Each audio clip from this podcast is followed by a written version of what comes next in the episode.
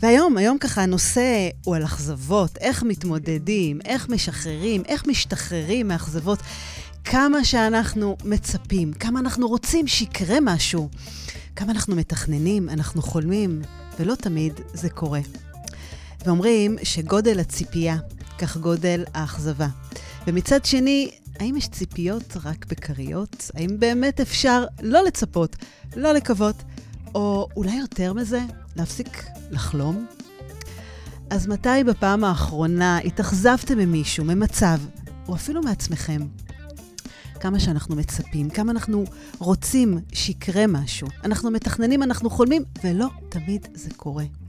ואומרים באמת שכגודל האכזבה, גודל הציפייה, ובאמת, זה מאוד קשה לא לצפות, לא לקוות, כי כולנו, כולנו חווינו ונחווה אכזבות ו- וכל מיני אה, חלומות שנרצה שיתגשמו. וזה יכול להיות אה, בקשר שהתפרק, זה יכול להיות איזו יוזמה עסקית, או, או אפילו איזה מוצר שככה פיתחנו, שכשל, ואכזבה מחבר, מבן בת זוג, הילדים שלנו, ואפילו מקרה קטן שיצאנו בבוקר ליום מלא מלא מלא בתוכניות, עד שגילינו פתאום שיש איזה פאנצ'ר או שהרכב לא מתניע. אז כן, אז כולנו, כולנו יש אכזבות בחיים. בכל זאת, מה הדרך הטובה ביותר להתמודד איתם? מה זה בכלל הדבר הזה שיוצר לנו את האכזבות? איך צריך לחשוב כדי לא להתאכזב? האם אפשר בכלל לא לצפות? ואם כבר התאכזבנו, אז מה אנחנו עושים? אז בואו נתחיל. אז תראו, אכזבה זה משהו שבאמת אנחנו מאוד מאוד רוצים שהוא יקרה, והוא לא קורה. ואפילו יותר מזה, או, או הפוך לזה, משהו שאנחנו לא רוצים שיקרה, והוא קורה. ודוגמאות לא חסרות. לאף אחד מאיתנו, וכולנו, כולנו, כולנו מתאכזבים על בסיס יומי. זה יכול להיות אה, אכזבות קטנות, וזה יכול להיות אכזבות שמשאירות בנו מין תחושה כזאת של אה, החמצה, של כאב, של כעס. ויש אה, אכזבות קטנות, שהכנתי איזה תבשיל או איזה עוגה והשקעתי בה ושכחתי איזה מרכיב, או שזה אפילו נשרף. ולא יצא טעים, ויש אכזבה שתכננתי שיקרה משהו ואני עושה הכל בשביל זה, וזה לא עובד, או שקורה אחרת. אז באמת, במקרה הזה יש אכזבות גדולות, קטנות, בינוניות, ואני אומרת, הסיכון פה באמת, אה, בעוצמות האלה, זה ליפול לכל מיני עצבות ו- וחרדות ומחלות וכולי, ו- וכשהאכזבות האלה מגיעות ממישהו, ואז המחשבה שלנו היא בעצם, הבן אדם הזה צריך להתנהג כמו שאני רוצה שיתנהג. אתם מכירים את זה? שאנחנו כל כך מצפים שמישהו יהיה כמונו. אה, לא פעם אני שומעת את המשפטים, בעלי צריך לפרגן לי יותר, והוא לא. המנהל שלי צריך לקדם אותי, והוא לא. אה, הלקוח המעצבן הזה צריך להפסיק להתלונן, אבל הוא לא. הרצאה שלא עברה בדיוק, בדיוק כמו שרציתי. או פתאום קיבלתי תשובה לתוכנית לימודים אבל התשובה הייתה שלילית וכל כך התאכזבתי. אה, או באמת רגשות, כמה אנחנו מרגישים רגשות כלפי מישהו אחר. אפילו רגשות של אהבה, כן, אני אוהב, אבל זה לא יכול להתממש. זה לא יכול להיות במציאות של היום. איזה אכזבה זאת. הילדים צריכים להכין שיעורים, וזה לא עובד. מישהו צריך להתקשר אליי, והוא לא מתקשר. אז כמה יש פער בין תמונת העולם, או בין הסיפור הזה שאנחנו בונים לעצמנו. ו... אין איך הדברים באמת אמורים להיות בין הפער, בין הרצוי הזה למצוי. ובחלק גדול מהמקרים, אנחנו הרבה פעמים מרגישים כעס, ותסכול, ועייפות, וייאוש, והחמצה, וחרטה, וכל כך הרבה לחצים, ולא תמיד מעניין אותנו מה עובר על הצד השני. אז הדרך הכי קצרה שאנחנו מחפשים בעצם, שיעזור לנו להשיג את המטרה ולקבל את מה שאנחנו חושבים שמגיע לנו, אנחנו בעצם פועלים מהרגש ופועלים על האוטומט, גם כשזה על חשבון הצד השני. והתחושה הזאת היא שיכול להיות אחרת, זה אחד הגורמים החזקים לעצבות ולדיכאון בעולם. עכשיו, אני, אני מדברת על, על כל מיני הזדמנויות שהוחמצו, ואנחנו מוסיפים לרדוף אותם, גם אחרי שעבר הרבה הרבה זמן ו, והתנאים השתנו, וזה כבר לא רלוונטי. אז כל נושא האכזבות הזה זה בעצם נושא מאוד מאוד קדום. הוא היה כבר באמת, שנים על גבי שנים אנחנו מכירים אותו, חווים אותו. תשימו לב שהצדיקים לא מרשים לעצמם ליפול למלכודת של דיכאון בגלל אכזבות בחיים. וחוכמת שלמה המלך מלמד אותנו כי שבע יפול צדיק וקם. גם אם אדם צדיק ייפול שבע פעמים, כלומר הרבה פעמים, בסופו של דבר הוא יקום. אז נכון, קל יותר לומר מלעשות. אך כל ההיסטוריה של העם היהודי הוא סיפור של בעצם אה, אופטימיות והתאוששות. בעצם ה- היכולת שלנו מצד אחד להרים את עצמנו מה, מכל העמקים האלה של האכזבות, ולהמשיך הלאה במובן החיובי ובאופטימיות, ולהתאושש ולהרים את הראש קדימה ולהמשיך. איך להתמודד עם האכזבות האלה. וחז"ל, ברוב חוכמותם, הם הקציבו אפילו זמן מוגבל לאבל אישי. והמסר הברור הוא שבעצם גם לאכזבה צריך להיות זמן מוגבל. אבל כן, יש פה סכנה, כי, כי בעצם מי שחווה את כל האכזבות האלה, הוא עלול לשקוע בכל מיני מחשבות ובכל מיני הרהורים כאלה. יותר מזה, להיכנס לאיזה לופ כזה, ש, שכל המחשבות מורידות אותנו למטה, ו, והחיים, וזה לא טוב, ולראות את הנקודה השחורה בכל הדבר הלבן והנפלא. ובעקבות זה, זה תקיעות. אנחנו לא רואים מעבר, אנחנו לא מגיעים להישגים כאלה ואחרים. ואחת הביקורות החזקות שאדם יכול לקבל בחיים שלו, זה בעצם לשמוע מאנשים שקרובים אליו, שהוא מאמין באמת באמת שרוצים בטובתו, אבל אנשים מאוכזבים ממנו. וכמה אנחנו נופלים בלשוננו, תשימו לב, אנחנו, הורים מול הילדים שלנו, שהם לא עמדו בכל מיני ציפיות כאלה ואחרות. כמה יש פה אמונה שמגשימה את עצמה. תשימו לב כמה הורה מאוכזב, ילד מאכזב. אז אחת הסיבות לכעסים ולעצבים זה אכזבות. וכשאנחנו מצפים ולא מקבלים מה שרוצים, אז כמה סיפורים אנחנו מספרים לעצמנו? סיפורים שהופכים לסרטים, והסרטים האלה יש בהם צנות ואפילו סרט המשך כזה או אחר. ואני רוצה לספר לכם סיפור. היה פעם, אה, אה, איש, היה פעם יום, יום ככה מאוד מאוד חם ושרבי, ותחשבו שתדמיינו שאתם בעצם נוהגים ברכב, ובצד הרכב עומד על הכביש טרמפיסט בשמש וחם, והלב שלכם באמת כואב, ואף אחד לא עוצר לו, הוא מזיע, והוא נראה שהוא עוד רגע עומד להתעלף. ואתם מזמינים אותו להצטרף לנסיעה. ואתם אפילו יותר מזה, אתם מציעים לו קצת מים, עוגיות שיש לכם באוטו, והבחור הזה עולה לרכב והוא ממלמל משהו, ואתם חושבים שהוא אומר לכם תודה. אז אתם אומרים לו, אין בעד מה, זה בסדר, אני, אני במילא נוסע לכיוון הזה. אבל אז הטרמפיסט הזה מרים את הקול ואומר ככה ברוגע, אני לא אמרתי תודה, אני רק שאלתי, למה המזגן לא כל כך חלש? מה, וחוץ מזה, מה, מה, מה זה המים האלה? הם בכלל לא קרים. אין לך קולה? ויותר מזה, הוא מוסיף ואומר, תקשיב, היחס שלך לא לעניין, קצת מעלי, ואתה רואה אותי, אני שעות פה עומד בשמש, אני כבר, באמת, אין לי כוחות. איך זה שאתה לא עוצר פה? בדיוק עברנו איזה מסעדה, איזה AMPM, משהו כזה, איך אתה לא עוצר, לוקח אותי פה לקנות לי איזה משהו? יותר מזה, מסעדה, פרגיות, שיפודים, סטייק. מה אתה מביא לי עוגיות? עכשיו, אם זה היה קורה לכם, קורה לכם כנהגים, מה הייתם עושים? אז אני בטוחה שבן אדם רגיל היה באותו רגע מעיף ובועט את הטרמפיסט הזה מהרכב. אבל אדם שעושה קצת, קצת עבודה אישית, והוא מבין מה זה איפוק, ומה זה סובלנות, ומה זה סבלנות, ומה זה חמלה, היה שותק. כן, הוא היה נדהם, הוא היה אומר, זה לא לעניין, אבל הוא לא היה מגיב ישר, הוא היה שומר על איפוק, כי הוא כל כך עוד לא מבין מה קרה, כן, הוא מאוכזב.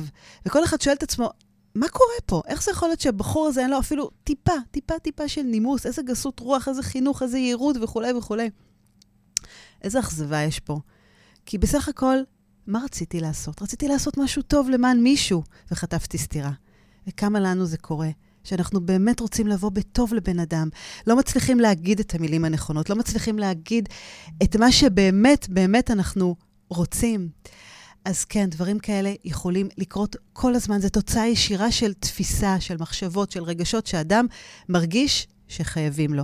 אז אני מצפה משהו שמגיע לי, ואם אנחנו ננסה להיכנס לנעלי הטרמפיסט הזה, מה עבר עליו באותו רגע, בשעות האחרונות שהוא עצר טרם וציפה? כן, כמה ציפיות היו לו שיעצרו לו, וכל פעם הוא הרגיש מסיבה כלשהי שאנשים חייבים לו. כי אני מסכן, אני עומד פה שעות בשמש. יותר מזה, כל פעם שעבר רכב ולא עצר לו, תחשבו כמה הוא התעצבן, כמה הוא כעס.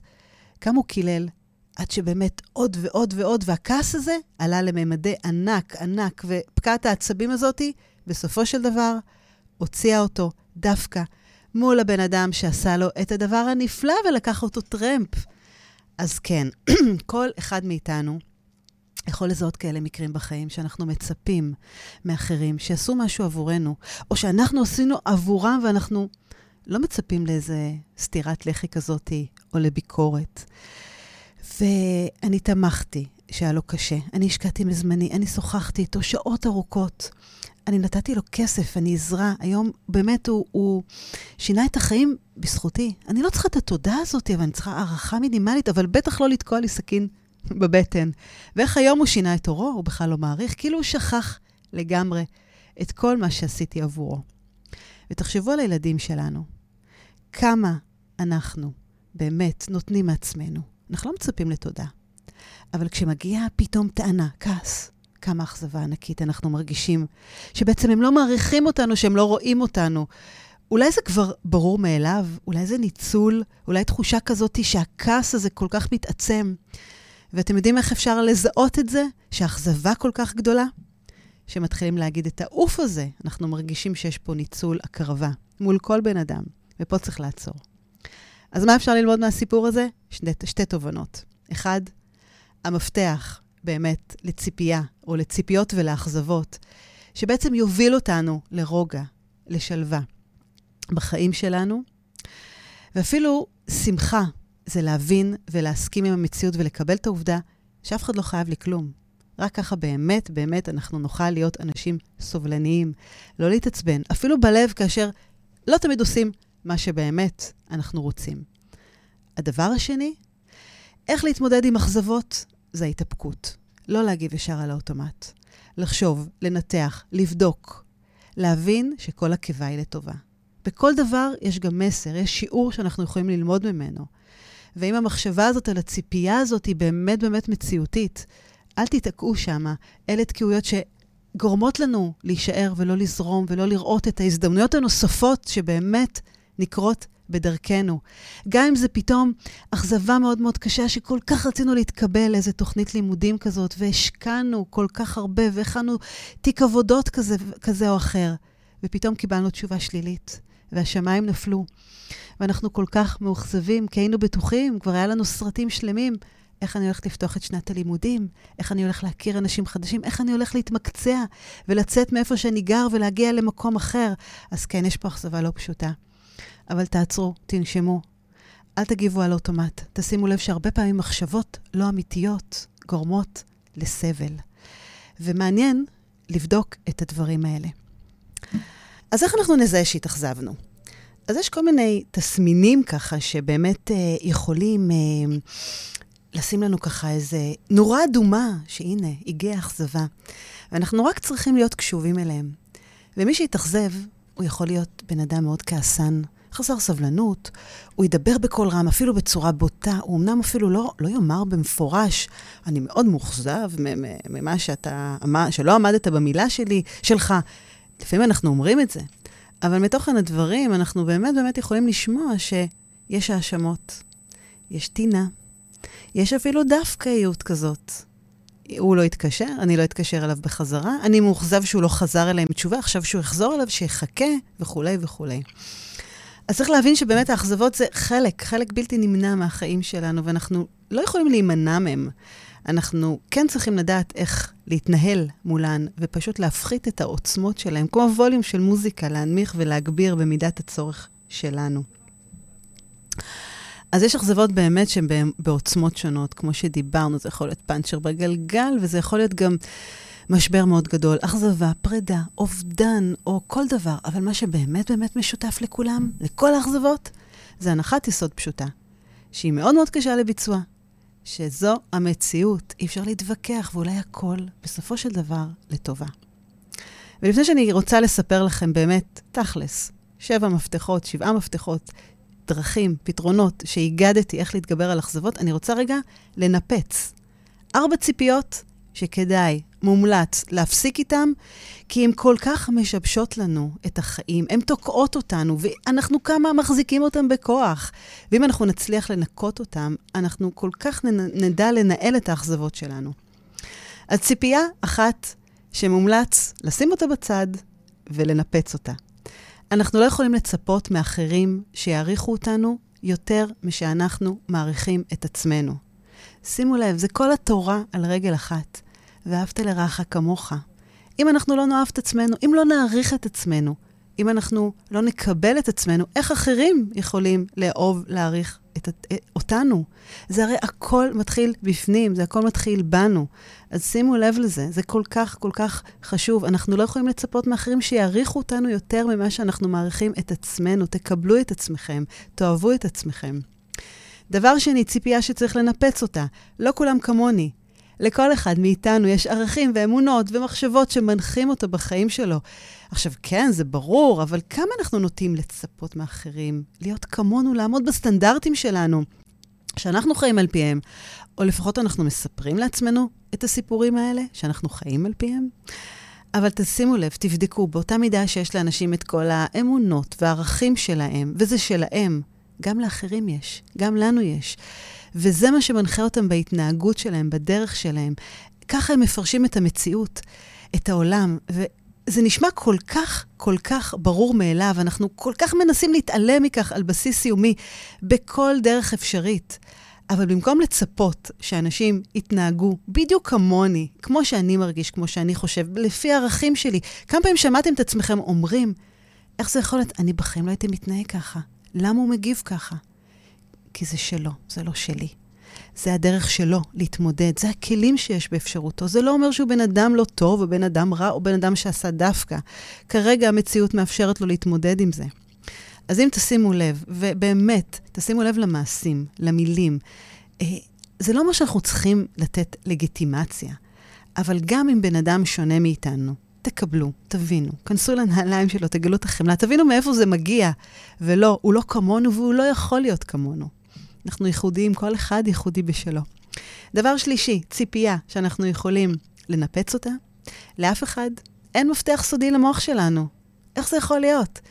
כמה אנחנו מצפים שמישהו יקרא את המחשבות שלנו וידע בדיוק ישר למה אנחנו מתכוונים, בדיוק ידע מה אנחנו צריכים, מה אנחנו רוצים, כמה אנחנו מחזיקים בדעות כאלה, וכמה אנחנו מפרשים את מה שקורה במקום הזה. אז מה כן אפשר לעשות? לא להניח הנחות. להגיד, להגיד מה שאתם רוצים, מה שאתם חושבים. גם אם אתם חיים עם בן אדם 30, 40 שנה, 20 שנה, ואתם בטוחים שהוא מכיר אתכם מגיל אפס, לא משנה מה. עדיין, הוא לא יכול להיכנס לראש שלכם. אין לו שום מפתח סודי. הוא לא יודע מה עובר שם. תגידו מה שאתם צריכים. דבר רביעי, לא בכוח. אל תצפו שאנשים יתחברו אליכם, רק כי אתם בעצם משחדים או משכנעים אותם יותר ממה שצריך לעשות. תשתמשו בכלי שכנוע כדי לאפשר לאדם להתחבר, להסביר לו את מה שאתם רוצים להסביר. אבל אל תדחפו את עצמכם לשיחה כל הזמן. תשאלו שאלות, תצפו לתשובות, תקשיבו, תהיו סקרנים, תאמינו שלפחות עוד אחד, עוד אדם אחד חוץ מאיתנו, עשוי להיות מעניין בעולם הזה. תבינו שבאמת, זה באמת משהו שהוא כל כך, כל כך חשוב. ועד שאנחנו לא נלמד להתייחס לאנשים שווים לנו, לא נצליח להתחבר אליהם באמת. אל תפעילו את הכוח הזה, לא דווקא, לא בכוח. תיצרו את הכימיה האמיתית מהסוג הזה שבאמת גורם לנו פתאום לקלוט שאנחנו חולקים מידע אישי עם, עם אדם אחר, מהסוג ש, שנדרש כדי ליצור משהו, כדי ליצור משהו שאנחנו רוצים שיהיה. אז ציפיות ואכזבות זה משהו שהוא בלתי נמנע, והוא קיים תמיד. אנחנו בני אדם, אנחנו לא רובוטים, אי אפשר להעלים אותם. אבל בואו ננסה להפחית את העוצמות שלהם, ואם לא הצלחנו לפחות, בואו נדע איך מתמודדים איתם. אז איך להתמודד עם אכזבה? דבר ראשון, הפתרון הכי הכי יעיל, ממש אפשר לומר, המתכון שעובד, הדרך הכי הכי טובה להתמודד עם ציפיות ועם אכזבות, זה בעצם, תשימו לב, להתמקד פה ועכשיו, ברגע הזה. עכשיו, הכוונה באמת, אני יודעת שזה נשמע כבר אולי כל כך נדוש, ושמעתם את הדברים, אבל תנסו רגע להבין, מה זה אומר לחיות את הרגע ולחשוב על מה שאתם עושים בזמן שאתם עושים אותו? כי כל האכזבות שיש לנו, לאדם, לאחרים, זה בעצם מסיבה שהוא בעצם לא חי פה ועכשיו. וכל המטרה של האכזבה שיש לאדם זה רק בעצם לגרום לכך שהחיים שלו יהיו טובים יותר, ובעצם שהוא יחיה בזמן הזה.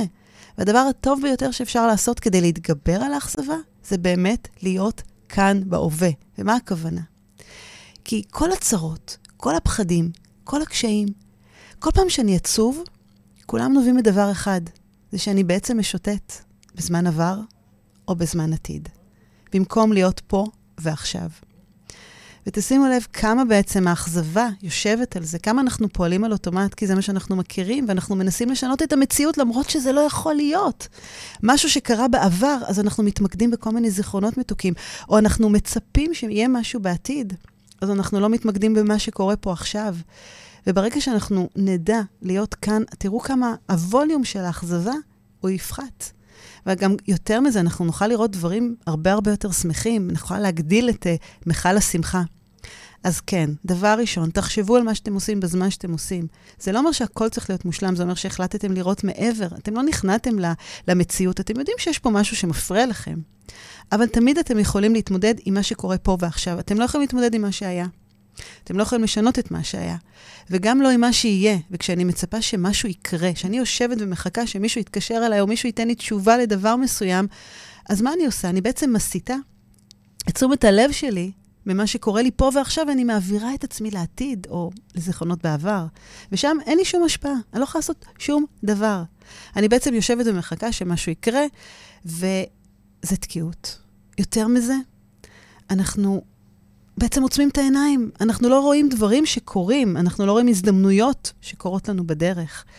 וכמה באמת, עם יד על הלב, תחשבו רגע, כמה חלק מהחיים שלכם אתם משקיעים בציפיות כאלה. אבל לא ציפיות כאלה שאנחנו עומדים בתור לדואר או בפקק, אלא ממש מחכים שאני אקבל הצעה שאני לא אוכל לסרב לה, שאני אגשים כבר את החלום, שאני ארוויח ככה וככה, שאני אהיה הרבה יותר בריא, שמישהו יתקשר אליי, שמישהו יגיד לי מה שאני רוצה לשמוע. אז אני רוצה משהו שאין לי, ואני לא רוצה מה שיש לי פה, ואני מפספס. אז זה נורת אזהרה לעצור, להבין שגלשנו לציפייה בואו נחזור לרגע הנוכחי הזה. תזכרו, בחיים זה או תירוצים נפלאים וטובים, או תוצאות מצוינות. לא יכול להיות גם וגם. אלה שחיים רק ליד, לצד החיים, יהיו מומחים בציפיות, הם רק יגידו, מלא מלא תירוצים. יאשימו את האנשים האחרים, זה סביבה של תירוצים. למה לא לעשות את מה שצריך לעשות? למה לא קיבלתי? והאכזבה הזאת תנהל אותם. הם לא ידעו להבדיל בין הקול הזה עוצמתי לקול המתרץ. תבדילו, תקשיבו לעצמכם. תראו על מה זה יושב, תחזרו לחיות בחיים, לא לצד החיים. נקודה שנייה, איך להתמודד עם אכזבות. לשאול את עצמנו, זה באמת מה שאנחנו מצפים ואנחנו רוצים שיקרה? תראו, הרבה פעמים אנחנו, כל, הרבה פעמים, לרוב אנחנו עובדים על אוטומט, לפעמים אנחנו רוצים משהו ולא באמת יש לנו צורך לקבל אותו. כי מישהו אמר לי, כי אני חושב, כי, כי פעם חשבתי שזה נכון לי, אבל עכשיו זה לא רלוונטי בכלל. עכשיו, לא תמיד יש לנו מודעות למה שבאמת אנחנו צריכים. וזה נובע מתחושת ככה של אה, חוסר, חוסר כזה שמוביל אותנו לכל מיני אה, אה, שאיפות דמיוניות וכל מיני אה, דברים ככה שהם מיותרים. אז כן, תתרכזו במה שכן יש לכם, במה שכן קיים לכם, ותהנו ממה שיש. ותראו ממה שיש, מה אתם יכולים למצוא וכמה מטעמים אתם יכולים להפיק מכל הדברים האלה, ומה שמיותר תעיפו. כי באמת לא תמיד כשאנחנו מצפים למשהו, אנחנו באמת באמת צריכים אותו. דבר שלישי, המפתח לציפיות ואכזבות שיוביל אותנו ליותר רוגע ולשלווה בחיים, ואפילו לשמחה, זה להבין ולהסכים עם המציאות. כן, להיות מודע למה שקרה. ויותר מזה, להבין שהיכולת לשנות את הדברים היא רק בידיים שלי. עכשיו, יותר מזה, זה גם לקבל את העובדה שאף אחד לא חייב לי כלום. כי אנשים ככה באמת, ודיברנו על זה, אנשים באמת ככה, נוכל להיות הרבה יותר סובלניים ולא להתעצבן, לא להתעצבן בלב, גם כשמישהו עושה משהו שאנחנו לא רוצים, או שלא עשה מה שאנחנו רוצים. זה להנמיך ציפיות, זה להתמודד באופן מציאותי יותר עם הבעיות שלנו. עכשיו, יותר מזה, עם יד על הלב, נגיד, טעינו, נודה בשגיאות של העבר, נלמד מהם, נרגיש פחות אכזבה. כי תשימו לב שגם מושג התשובה והחרטה ביהדות, הוא מביא תמיד לאדם תחושה כזאת של שלווה. אפילו שמחה. הוא לא מביא לדיכאון או לאכזבה. ואחרי שאנחנו נהיה ערים לבעיות ולקשיים שלנו, אנחנו נוכל לשנות אותם.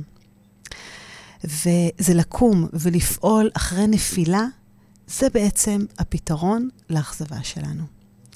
דבר רביעי, איך להתמודד עם אכזבות? זה לתאם ציפיות. תקשיבו, אנשים, תגידו, תצעקו, תגידו מה שאתם רוצים שיהיה. אל תניחו הנחות, אל תחכו שמישהו אחר יעשה מה שאתם רוצים. היה לי לקוח ש... רצה להפתיע את הבת זוג שלו במדף חדש לחדר שינה שלהם, והוא כל כך ציפה שהיא תהיה מאושרת. והיא ממש לא אהבה את זה. או מישהי ש, שציפתה שבעלה יבוא לעזור לה לפני הרצאה חשובה, שיעזור לה לכוון את המצלמה לזום. והוא אמר לה, אחר כך, או אפילו מחר בבוקר, שעה לפני הרצאה. וכמה שהיא התפוצצה מבפנים וכעסה, במקום לבוא להתקשר להגיד לו, תקשיב, אני צריכה אותך עכשיו. עכשיו, הוא לא חשב על זה, הוא לא עשה דווקא, אבל כמה פעמים אנחנו מצפים שמישהו יתקשר, שמישהו ישלח לנו תגובה. כמה פעמים אנחנו מעלים פוסט בפייסבוק, באינסטגרם, בטוחים שהוא יהיה נפלא, אנחנו כל כך כבר בטוחים שנתנו פה עכשיו אמרה לעולם, ואף אחד לא מגיב. יותר מזה, כמה פעמים אנחנו כל כך, מה שאנחנו רוצים, זה חיבוק, זה חיוך, שאנשים יקשיבו, שאנשים יראו אותנו, שיגידו מילה טובה, קצת טפיחה על השכם, קצת להרגיש שאוהבים אותנו. עכשיו, זה לא בגלל שאנחנו לא מעריכים את עצמנו, אולי כן, אולי לא מספיק, אבל אנחנו בני אדם, אנחנו רוצים חיזוקים, צריכים חיזוקים מהסביבה. אז שימו לב שזו נקודה חשובה, לא להניח הנחות, להגיד, לדבר, לאף אחד אין מפתח סודי למוח שלנו. צעד חמישי, איך לשחרר אכזבה? לקבל אותה. כן, לדעת לקבל אותה, לפתוח לה את הדלת, לא להיאבק בה, לתת לה מקום. תזכרו, היא מובילה הרבה פעמים לכעס, למרמור, ללחץ. לנהל, לנהל אותה, שלא היא תנהל אותנו. לשאול את עצמנו, אוקיי, היא נמצאת פה עכשיו, על מה היא יושבת? תחקרו אותה, ת, ת, תבדקו למה היא הגיעה. האם יש משהו שאני יכול לעשות? האם אני יכול לשנות פה את המציאות? אנחנו אלופים, אלופים בלסבך את חיינו. ולרוב הבעיות שלנו הן נראות הרבה הרבה יותר גדולות ממה שהן באמת. נקודה שלישי שישית, הדרך להתמודד עם אכזבות וציפיות זה להתאפק, לא להגיב ישר על האוטומט. לחשוב, לחשוב לפני, לפתח סבלנות, סובלנות. תראו, באמת הבעיות הרבה פעמים נראות הרבה יותר גדולות. וכשאנחנו יודעים מה הפתרון, או אפילו מתחילים להתקרב אליו, אנחנו מגלים שהנה, זה לא כזה נורא. דבר אחרון, אחרון, לאיך להתמודד עם אכזבות. שימו לב, עשיתי כל שנדרש ממני. כן, כגודל הציפייה, באמת גודל האכזבה, משפט שכולנו מכירים, מצד אחד יש לי ציפייה, מצד שני יש לי אכזבה, וזה מתחיל בקטן. היום, באמת זה יכול להיות דברים קטנים. היום קמתי בבוקר, תכננתי להספיק א', ב', ג', ד', ה', סוף היום, בקושי דבר או שניים הספקתי. איזו אכזבה. אבל האכזבה הזאת היא גם בחירה. ופה אנחנו צריכים כאן לעצור ולראות, האם עשינו הכי טוב שיכולנו לעשות. עכשיו, יש ארבע דרגות כאלה. אפשר לנסות, שיש בזה תירוץ, שימו את זה בצד, לא שווה יותר מדי. להשתדל, שזה נחמד.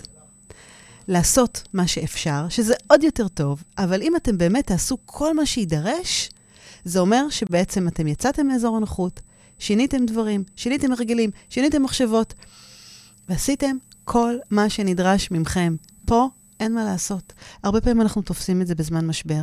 הרבה פעמים אנחנו תופסים את העניין הזה באמת כשאנחנו מתמודדים עם אובדן, עם פרידה, עם מחלה של אדם יקר, ואנחנו באמת עושים כל שנדרש כדי להציל, לעזור, לסייע, ולפעמים זה לא בידינו. ופה צריך באמת לדעת, לשחרר ולהבין שהאכזבה היא קיימת. אבל יש דברים שבאמת עשינו כל מה שיכולנו, אז אין כבר מה להאשים את עצמנו. אז מה שאנחנו כן יכולים להגיד לעצמנו, שכל מה שניתן לי עכשיו, הוא הכי טוב שיכול להיות. ואם אתם באמת אנשים שמאמינים בטוב, אז תבינו שכל מצב, יש לו תכלית. ואם תכבדו את החלקים האלה שמבקשים השתאות, התבוננות, הכלה, זה בעצם הדרך שלכם לסלול לאור ולהכניס את הדברים הנכונים לפרופורציה. וכן, זה נובע הרבה פעמים מהמוכנות שלנו לקבל את המציאות מבלי להבין אותה. לא חייבים תמיד להבין אותה. או להסביר. פשוט לקבל, להכיר, להבין, לסגל אותה. כי זה בעצם המפתחות האלה. זה מפתחות להתמודד עם האכזבות האלה. כי בסופו של דבר, זה החיים שלנו. אז איך מתגברים על מצב שאנחנו אכזבנו מישהו אחר? ואם אתם אכזבתם מישהו, תשאלו אותו, ממה הוא התאכזב ממכם? רק תקשיבו לו. דבר שני, תיכנסו לנעלי אחר, תגלו חמלה, תבינו מה גרם לאדם האחר להתאכזב ממני. למרות שאולי אתם לא מרגישים כמוהו, אבל בכל זאת, תנו לו להגיד, לשמוע, להגיד לכם מה קרה שם. יכול להיות שלא הבהרתם את עצמכם כמו שצריך. יכול להיות שאמרתם מילה לא מדויקת והוא לא הבין אותה. תקשיבו, זה לא אומר, אף אחד לא כמוני. לא כל אחד יודע בדיוק מה אני חושב. דבר שלישי, מה אנחנו עושים כשאנחנו אכזבנו בן אדם אחר? תקבלו. אתם לא חייבים להסכים, אבל זה מה שהוא מרגיש. כמה פעמים מישהו אומר לכם, נפגעתי ממכם, ואתם אומרים, אבל בכלל לא התכוונתי לזה, זה בכלל לא הייתה הכוונה. אבל זה מה שהוא מרגיש, תקבלו את זה. אתם לא חייבים להסכים. זה בטח לא הייתה הכוונה שלכם, אבל משהו לא נאמר כמו שצריך. דבר רביעי, תבקשו סליחה. תסלחו גם לעצמכם. כמה פעמים אנחנו מאוכזבים מעצמנו. על שגיאות, על אי-דיוק, על משהו שלא אמרנו כמו שצריך, על משהו שעשינו בעבר, על דברים שעשינו, דברים שלא עשינו, איזו חרטה גדולה יש. זה יכול להיות כישלון, זה יכול להיות דברים כל כך עוצמתיים. עכשיו, זה לא אומר שהכל נגמר, שהכל נהרס. כולנו טעינו, כולנו איפשהו בדרך עשינו משהו שאנחנו מצטערים, שאנחנו לא גאים עליו. אנחנו מתביישים אפילו בעצמנו, אנחנו כועסים, אפילו מישהו אחר שפגע בנו, אנחנו סוחבים את הכעס, את האשמה, את האכזבה הזאת. כל כך הרבה על הכתפיים שלנו, כמה זה מיותר. כמה אי אפשר לשנות את העבר. תשימו לב, האכזבות האלה, ספציפיות האלה, יושבות על משהו מהעבר, על משקולת כזאת שאנחנו סוחבים אותה. אז אי אפשר למחוק. אי אפשר להעלים, אבל כן הגיע הזמן לקחת את המושכות שלנו בידיים שלנו ולבחור לסלוח, גם אם עשינו משהו למישהו אחר. איך אנחנו מנקים את זה? זה החיים שלנו. והסליחה זה שינוי. המטרה היא לנקות, ללמוד, להכיל, פחות להיעלב, להיות יותר, יותר אה, אה, בן אדם שמגיב באיפוק, פחות שיפוטיות.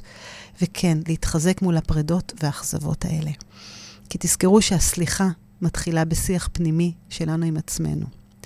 והיא משחררת אשמה, אכזבה ואפילו נקמה. דבר חמישי, מה לעשות כשאנחנו אכזבנו מישהו אחר? תשפרו, תתקנו, תבהירו עמדות וציפיות. באמת, תראו איך באמת אתם יכולים לעשות עם זה משהו. כי האכזבה היא רגש, ותשימו לב שאנחנו יכולים לנהל את הרגשות שלנו. ולפעמים אנחנו מוצאים את עצמנו מגיבים רגשית לאירועים כאלה ואחרים, אבל הסיבה האמיתית לתגובות שלנו היא במחשבות, היא בפרשנות, ולא באירועים חיצוניים. ומה שאנחנו יכולים לעשות ולהשפיע, קודם כל, על המחשבות שלנו. כן, זה ניהול רגשות, זה נשמע כמו איזה מושג תמיד ככה, שאני מדברת על זה, מושג מהאקדמיה, אבל, אבל זה משהו שקיים אפילו קדום בתורת החסידות שלנו, מתוך תורת הנפש, ו... 99% מהחיים שלנו כמעט מנוהלים על ידי רגשות. כמה אנחנו, אה, כמה אנחנו נעלבים ביום, כמה אנחנו כועסים, נפגעים, שמחים. תשימו לב כמה הדברים האלה מנהלים אותנו.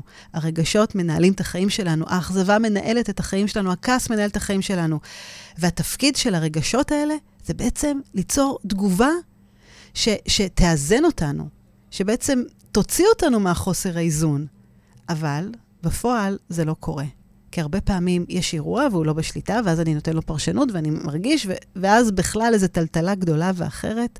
ותשימו לב, התפקיד היחיד של הרגש, אם אנחנו לוקחים פה את האכזבה, זה להציג לי, הלו, בוקר טוב, תתעוררי, יצאת מאיזון, צריך לעשות פעולה שתחזיר אותך לאיזון. אבל בפועל, הרגש הזה הוא תולדה של פרשנות, וזה בעצם מה שאנחנו עושים עם האירוע הזה בראש שלנו.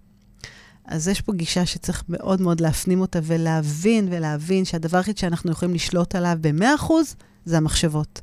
ואם תלמדו לשלוט במחשבות, תוכלו לנהל את האכזבות ואת הכעסים, ולהבין שזה יושב על משהו. זה יושב, כשאני מאוכזב, תשאלו את עצמכם, למה אני מאוכזב? אל תגיבו באוטומט. אל תגידו, בגלל בעלי, בגלל הילדים, בגלל חבר, פה צריך לעצור ולהגיד לא. תחפשו את התשובה הזאת בפנים, אצלכם. מה אתם חושבים על המצב? מה אתם חושבים על הילדים? מה אתם חושבים על, בעל, על הבעל או על האישה? קודם כל, תפנו את זה בחזרה אליכם. תבינו שזה בא מהמקום של השכל, אוקיי? וזה בעצם מה שהתגובה הזאת של האכזבה, היא יושבת על מה שהאירוע הזה עשה לערך העצמי שלי. אז מאוד מאוד חשוב לקחת את הדבר הזה פנימה ולא החוצה, כי אנחנו מבינים שבסופו של דבר, הדרך לנהל את האכזבה הוא רק בידיים שלי. אנחנו לא צריכים לשבת ולחכות שמשהו אחר יקרה. יקרה.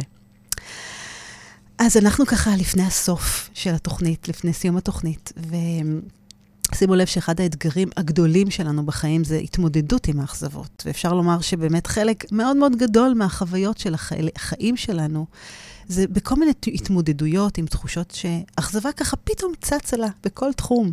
אם זה בתחום החברתי, בתחום האישי, בתחום המשפחתי, בתחום של המדינה, בלאום וכולי וכולי. והבחירה שלנו, ותזכרו, להגיד מה שחושבים אם מצפים. וכשאכזבתי את עצמי, הרבה פעמים הרגש שנוסף לכל האכזבה זה כעס ואשמה. תקבלו את הדברים כמו, שש, כמו שהם. אשמה עצמית זה באמת דרך כל כך כל כך נפוצה. ואל תגידו לעצמכם, אם הייתי עושה ככה וככה, זה לא היה קורה ולא הייתי מתאכזב. כי באמת, לעולם אתם לא תדעו מה קורה ומה הוביל מצב כמו שהוא מעבר לזה. אי אפשר לעשות, כלום, זו המציאות. אז תקבלו את הלך הדברים, תקבלו את המציאות. אל תנסו לשלוט או לשנות אותה.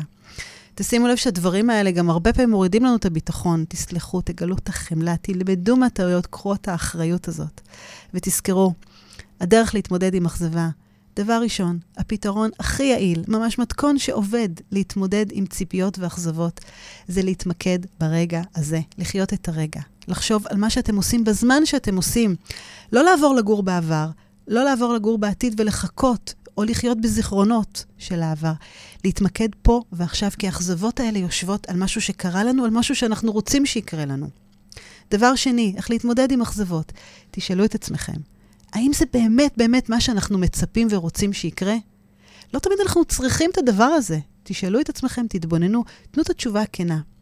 דבר שלישי, עוד מפתח לציפייה ואכזבה שיוביל אותנו לרוגע ולשלווה ולשמחה, זה להבין, להסכים, לקבל את המציאות, ולהיות מודעים למה שקורה פה ועכשיו, להבין שהיכולת לשנות הם רק בידיים שלי. עכשיו, זה לא אומר שאני חייב לקבל את העובדה שאף אחד, זה, זה, זה לקבל את העובדה שאף אחד לא חייב לי כלום. ורק ככה באמת באמת נוכל להיות אנשים יותר סבלניים ולשמור על איפוק ולא להתעצבן. וגם כשמגיעה האכזבה הזאת, להבין שאף אחד לא חייב לי כלום.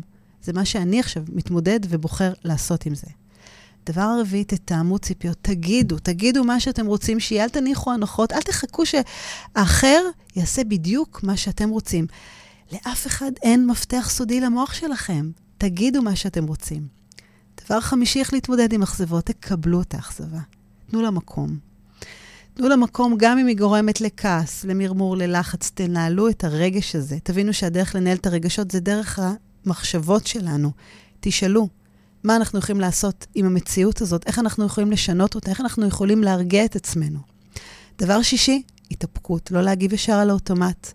לחשוב, לעשות דברים לא בצורה אוטומטית. ודבר שביעי ואחרון, גלו חמלה לעצמכם, תסלחו לעצמכם, תבינו, עשיתם כל מה שנדרש בשביל לעשות את מה שרציתם? אם כן, תשחררו את האכזבה. אם לא, אז יש כנראה עוד משהו שאנחנו יכולים לעשות כדי באמת אולי להצליח להגשים את מה שאנחנו רוצים. ותגידו לעצמכם, כל מה שניתן לנו עכשיו זה הדבר הכי טוב שיכול להיות.